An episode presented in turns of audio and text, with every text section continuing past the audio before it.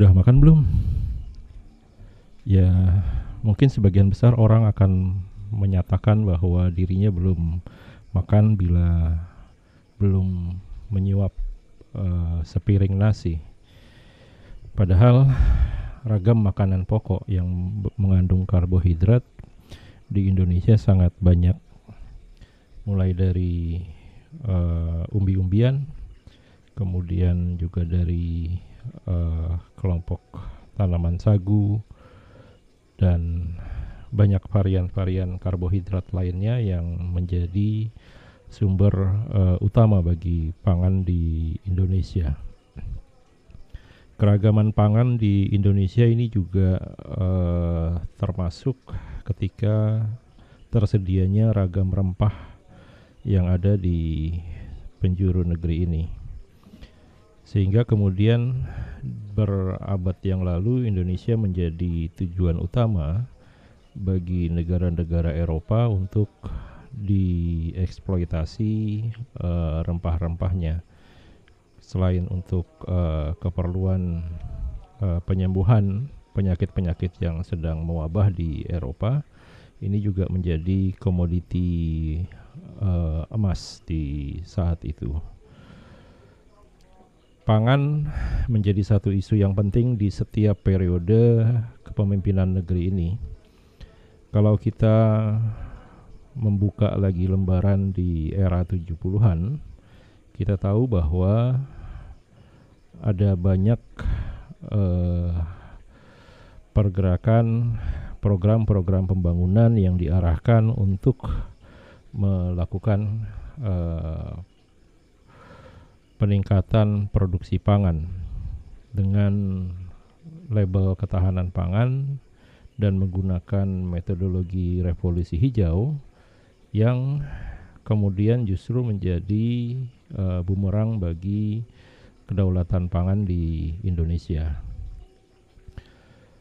Keberadaan revolusi hijau dengan mendatangkan ragam benih-benih yang sudah dilakukan rekayasa genetika ternyata menghadirkan uh, jenis-jenis hama baru yang tidak mudah untuk ditangani. Dan ini juga diikuti dengan kehadiran uh, pupuk sebagai trigger utama untuk peningkatan produktivitas dan kehadiran insektisida herbisida kimia yang pada akhirnya menjadi awal terjadinya bencana pangan di Indonesia.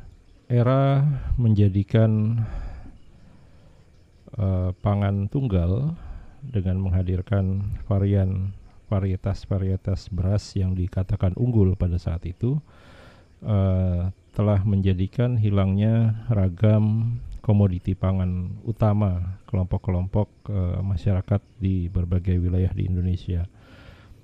Akhirnya banyak uh, varietas padi lokal bahkan yang tidak lagi ditemukan saat ini.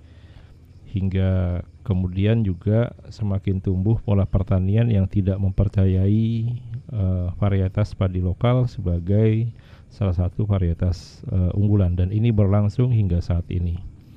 Kita tahu ada banyak uh, temuan kembali dilakukan oleh petani-petani di Indonesia untuk kemudian menghadirkan uh, pemuliaan tanaman tanpa menggunakan uh, rekayasa genetika laboratorium yang kemudian dilarang peredarannya.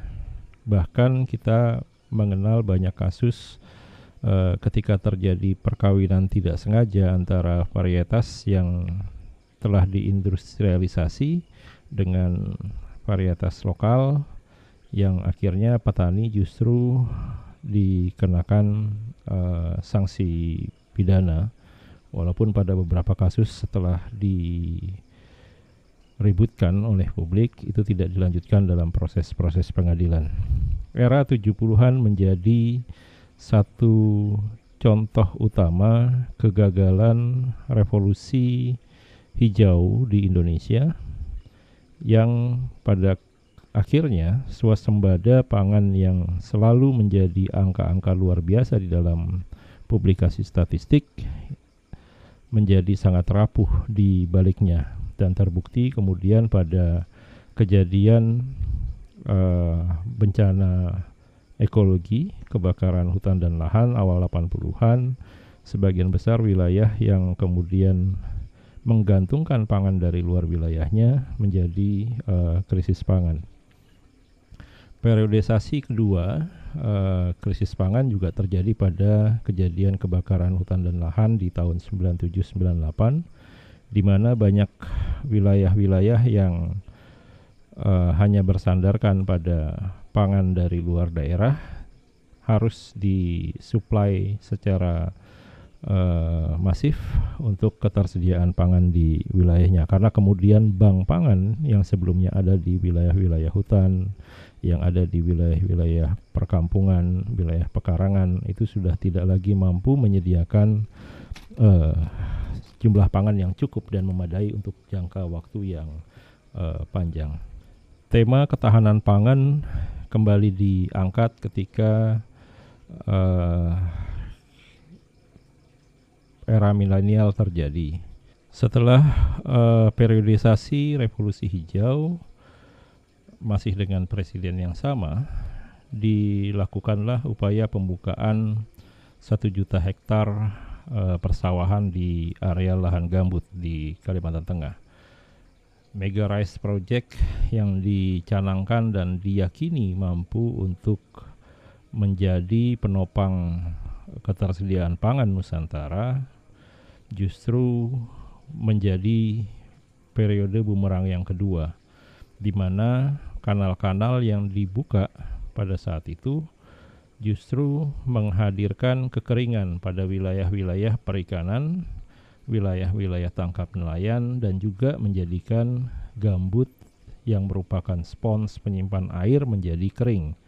Akibatnya terjadilah kebakaran uh, hutan dan lahan yang cukup hebat di wilayah tersebut dan program pencetakan sawah satu juta hektar tersebut juga kembali gagal.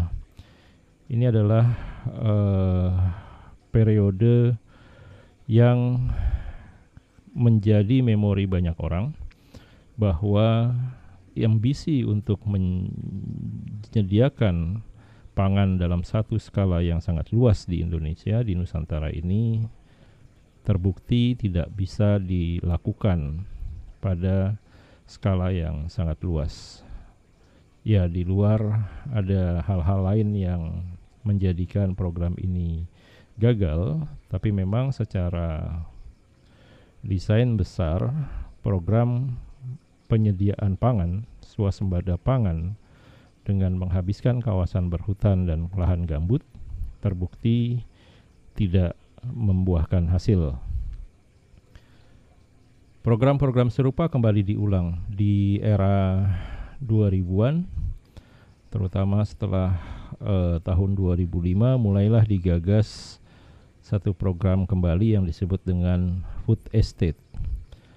Sebuah perkebunan pangan skala besar di mana beberapa provinsi ditargetkan untuk membuka areal seluas ratusan ribu hektar, 200 hingga 300 ribu hektar pada satu hamparan yang harapannya kemudian ini bisa menjadi lumbung pangan bagi Nusantara.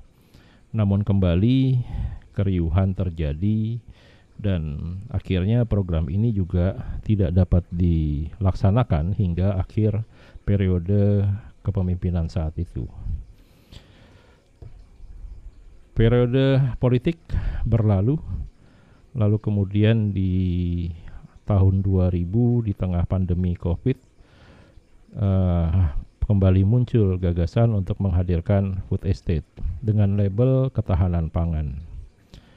Program yang serupa dengan food estate di periode kepemimpinan sebelumnya dan juga serupa dengan uh, kepemimpinan-kepemimpinan sebelumnya, ini bahkan jauh lebih tidak melalui satu proses perencanaan yang baik Hampir setiap provinsi hingga tingkat kampung, tingkat desa didatangi untuk kemudian diidentifikasi wilayah-wilayah yang berpotensi untuk dihadirkan food estate. dengan kehadiran private sector perusahaan yang entah sebagaimana mereka bisa akan mengoperasionalkan perusahaannya karena tidak ada satu portofolio yang bagus di dalam uh, menjalankan perkebunan pangan. Ini kemudian mulai mengambil wilayah-wilayah yang berhutan dan berada di kawasan gambut. Kembali dengan asumsi bahwa gambut mengandung bahan organik yang bisa menjamin ketersediaan hara bagi tanaman pangan.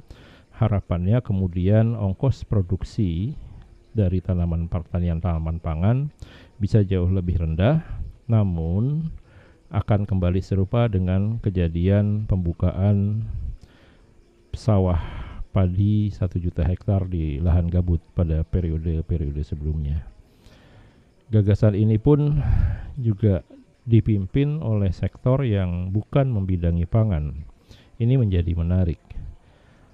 Lalu bagaimana kemudian keilmuan pangan bisa diterapkan dengan baik? Ketika kemudian sektor ketahanan pangan dimasukkan ke dalam bagian di dalam program uh, keamanan nasional Baik, di luar daripada itu, kalaupun tetap ingin menghadirkan kedaulatan pangan di Nusantara ini harus mampu untuk mengenali dengan baik kondisi ekologis dari wilayah Nusantara. Selama ini orang selalu bertanya, kenapa kemudian model pertanian lahan kering gilir balik itu diterapkan pada wilayah-wilayah di Kalimantan. Atau model-model pertanian lahan kering lainnya di Sulawesi, di Nusa Tenggara, di wilayah-wilayah yang memang tanahnya sangat miskin hara itu dilakukan. Karena memang pada dasarnya ketersediaan pangan di wilayah tersebut tidak hanya ditopang dari pertanian lahan basah melalui pengadaan eh, padi ataupun uh, yang sejenisnya dengan varietas-varietas yang biasa membutuhkan air sepanjang masa tumbuhnya. Pangan di wilayah-wilayah tersebut telah terbangun berabad-abad dengan pola yang silih berganti. Pada musim tertentu ada varietas tertentu yang ditanam dengan menghitung memperhitungkan kondisi iklim, kondisi curah hujan, kondisi tanah dan lain sebagainya hingga kemudian lumbung-lumbung pangan selalu terpenuhi termasuk ketika diprediksi akan terjadi kemarau panjang ataupun musim penghujan yang sangat panjang. Seluruh varietas tanaman pangan itu mampu untuk menopang swasembada pangan pada wilayah tersebut. Namun dengan semakin masifnya industri ekstraktif yang memakan lahan baik di sektor kehutanan, di sektor perkebunan, even di sektor pertambangan, kondisi pertanian lokal itu kemudian semakin tergerus karena keseimbangan ekologis itu sudah mulai terganggu. Mimpi besar kepemimpinan nasional yang mengharapkan terjadinya ketahanan pangan ini akan mengalami periode kegagalan keempat Artinya kemudian pengadaan pertanian lahan uh, tanaman pangan yang juga belum tentu untuk penyediaan pangan ini juga hanya akan menjadi tambahan dokumentasi kegagalan negeri ini untuk membangun kedaulatan pangan isu ketahanan pangan yang selalu diangkat, isu impor beras yang selalu ada setiap tahunnya, dan berbagai isu-isu krisis pangan sengaja dibangun untuk kemudian menjadikan justifikasi yang seadanya bahwa food estate atau kerajaan perkebunan pangan ini menjadi layak untuk dilakukan Padahal kalau kita menelisik lebih jauh, sistem budaya pengolahan lahan di Nusantara ini sangat beragam. sistem kedaulatan pangan di Nusantara ini sangat beragam. Kebutuhan pangan termasuk dengan jenis-jenis pangan di masing-masing komunitas itu sangat beragam. Entah kenapa kemudian hampir setiap kali periode kepemimpinan nasional selalu berupaya memberikan jawaban yang tidak bersandar pada kultur pengolahan lahan yang ada di Nusantara. Mungkin karena mengejar penguasaan lahan atau bisa jadi ini hanya untuk menarik pendanaan yang kemudian akan dialihkan pada industri di sektor lain atau memang ketidaktahuan dari kepemimpinan terhadap bagaimana seharusnya kedaulatan pangan itu dibangun di Nusantara ini. Sebaiknya mulai berhenti untuk bermimpi bahwa kedaulatan pangan itu harus dibangun dalam skala besar. Karena memang keadaan tanah, keadaan iklim mikro, keadaan ekologi, keadaan daur hidrologis yang ada pada setiap wilayah itu hanya mampu untuk menyediakan ketersediaan pangan pada skala tertentu, misalnya skala provinsi atau skala pulau. Akan sulit sekali bila kemudian dipaksakan satu wilayah dalam skala luas untuk menyediakan pangan secara nasional. Ini yang menjadi uh, tantangan terhadap seluruh pihak yang ada sekarang, baik peneliti, pekerja di kampus, pekerja di organisasi non-pemerintah, pekerja-pekerja di lembaga-lembaga pemerintahan, terutama yang memang mengampu sektor pangan, termasuk terhadap pemimpin kewilayahan dari tingkat yang terendah sampai tingkat nasional, agar kemudian mendudukkan kembali dengan tepat. Kalau memang mimpinya adalah Indonesia harus kembali swasembada, Nusantara harus kembali memperoleh kedaulatan pangannya, maka berhentilah berpikir untuk membangun satu lahan pangan skala luas di Nusantara ini dalam satu hamparan yang kompak. Dan mulailah kembali merujuk pada pembelajaran dan pengalaman termasuk kepada budaya pengolahan lahan, termasuk pengolahan lahan pangan yang dilakukan selama berabad-abad di negeri ini. Teknologi masih mungkin dilakukan, diberikan agar kemudian tingkat produktivitas menjadi lebih baik. Asupan-asupan hara tambahan itu menjadi penting karena memang sebagian besar hara sudah berubah, terutama kandungan hara pada air hujan. Dan keberadaan industri ekstraktif di sekitar lahan-lahan produktif pangan ini juga sangat mempengaruhi aliran hara ke wilayah-wilayah pangan tersebut. Selain juga umur dari kerak bumi yang sudah semakin bertambah, ini dipastikan bisa merubah komposisi hara tanah. Dan memang kalau kita benar-benar ingin membangun kedaulatan pangan, pilihan sederhananya hanyalah untuk kembali membuka rumpun pengetahuan tradisional, rumpun pengetahuan lokal di dalam pengolahan lahan untuk penyediaan pangan oleh komunitas. Dan dari sinilah kemudian dibangun jejaring yang kuat bagaimana kemudian pendataan informasi terkait dengan keberadaan produksi informasi yang baik terkait dengan varietas pangan termasuk bagaimana pengolahan pangan ini dibangun secara perlahan banyak teori yang menyatakan bahwa keseragaman yang dibangun dalam skala luas itu akan menghancurkan ekosistem yang ada di wilayahnya.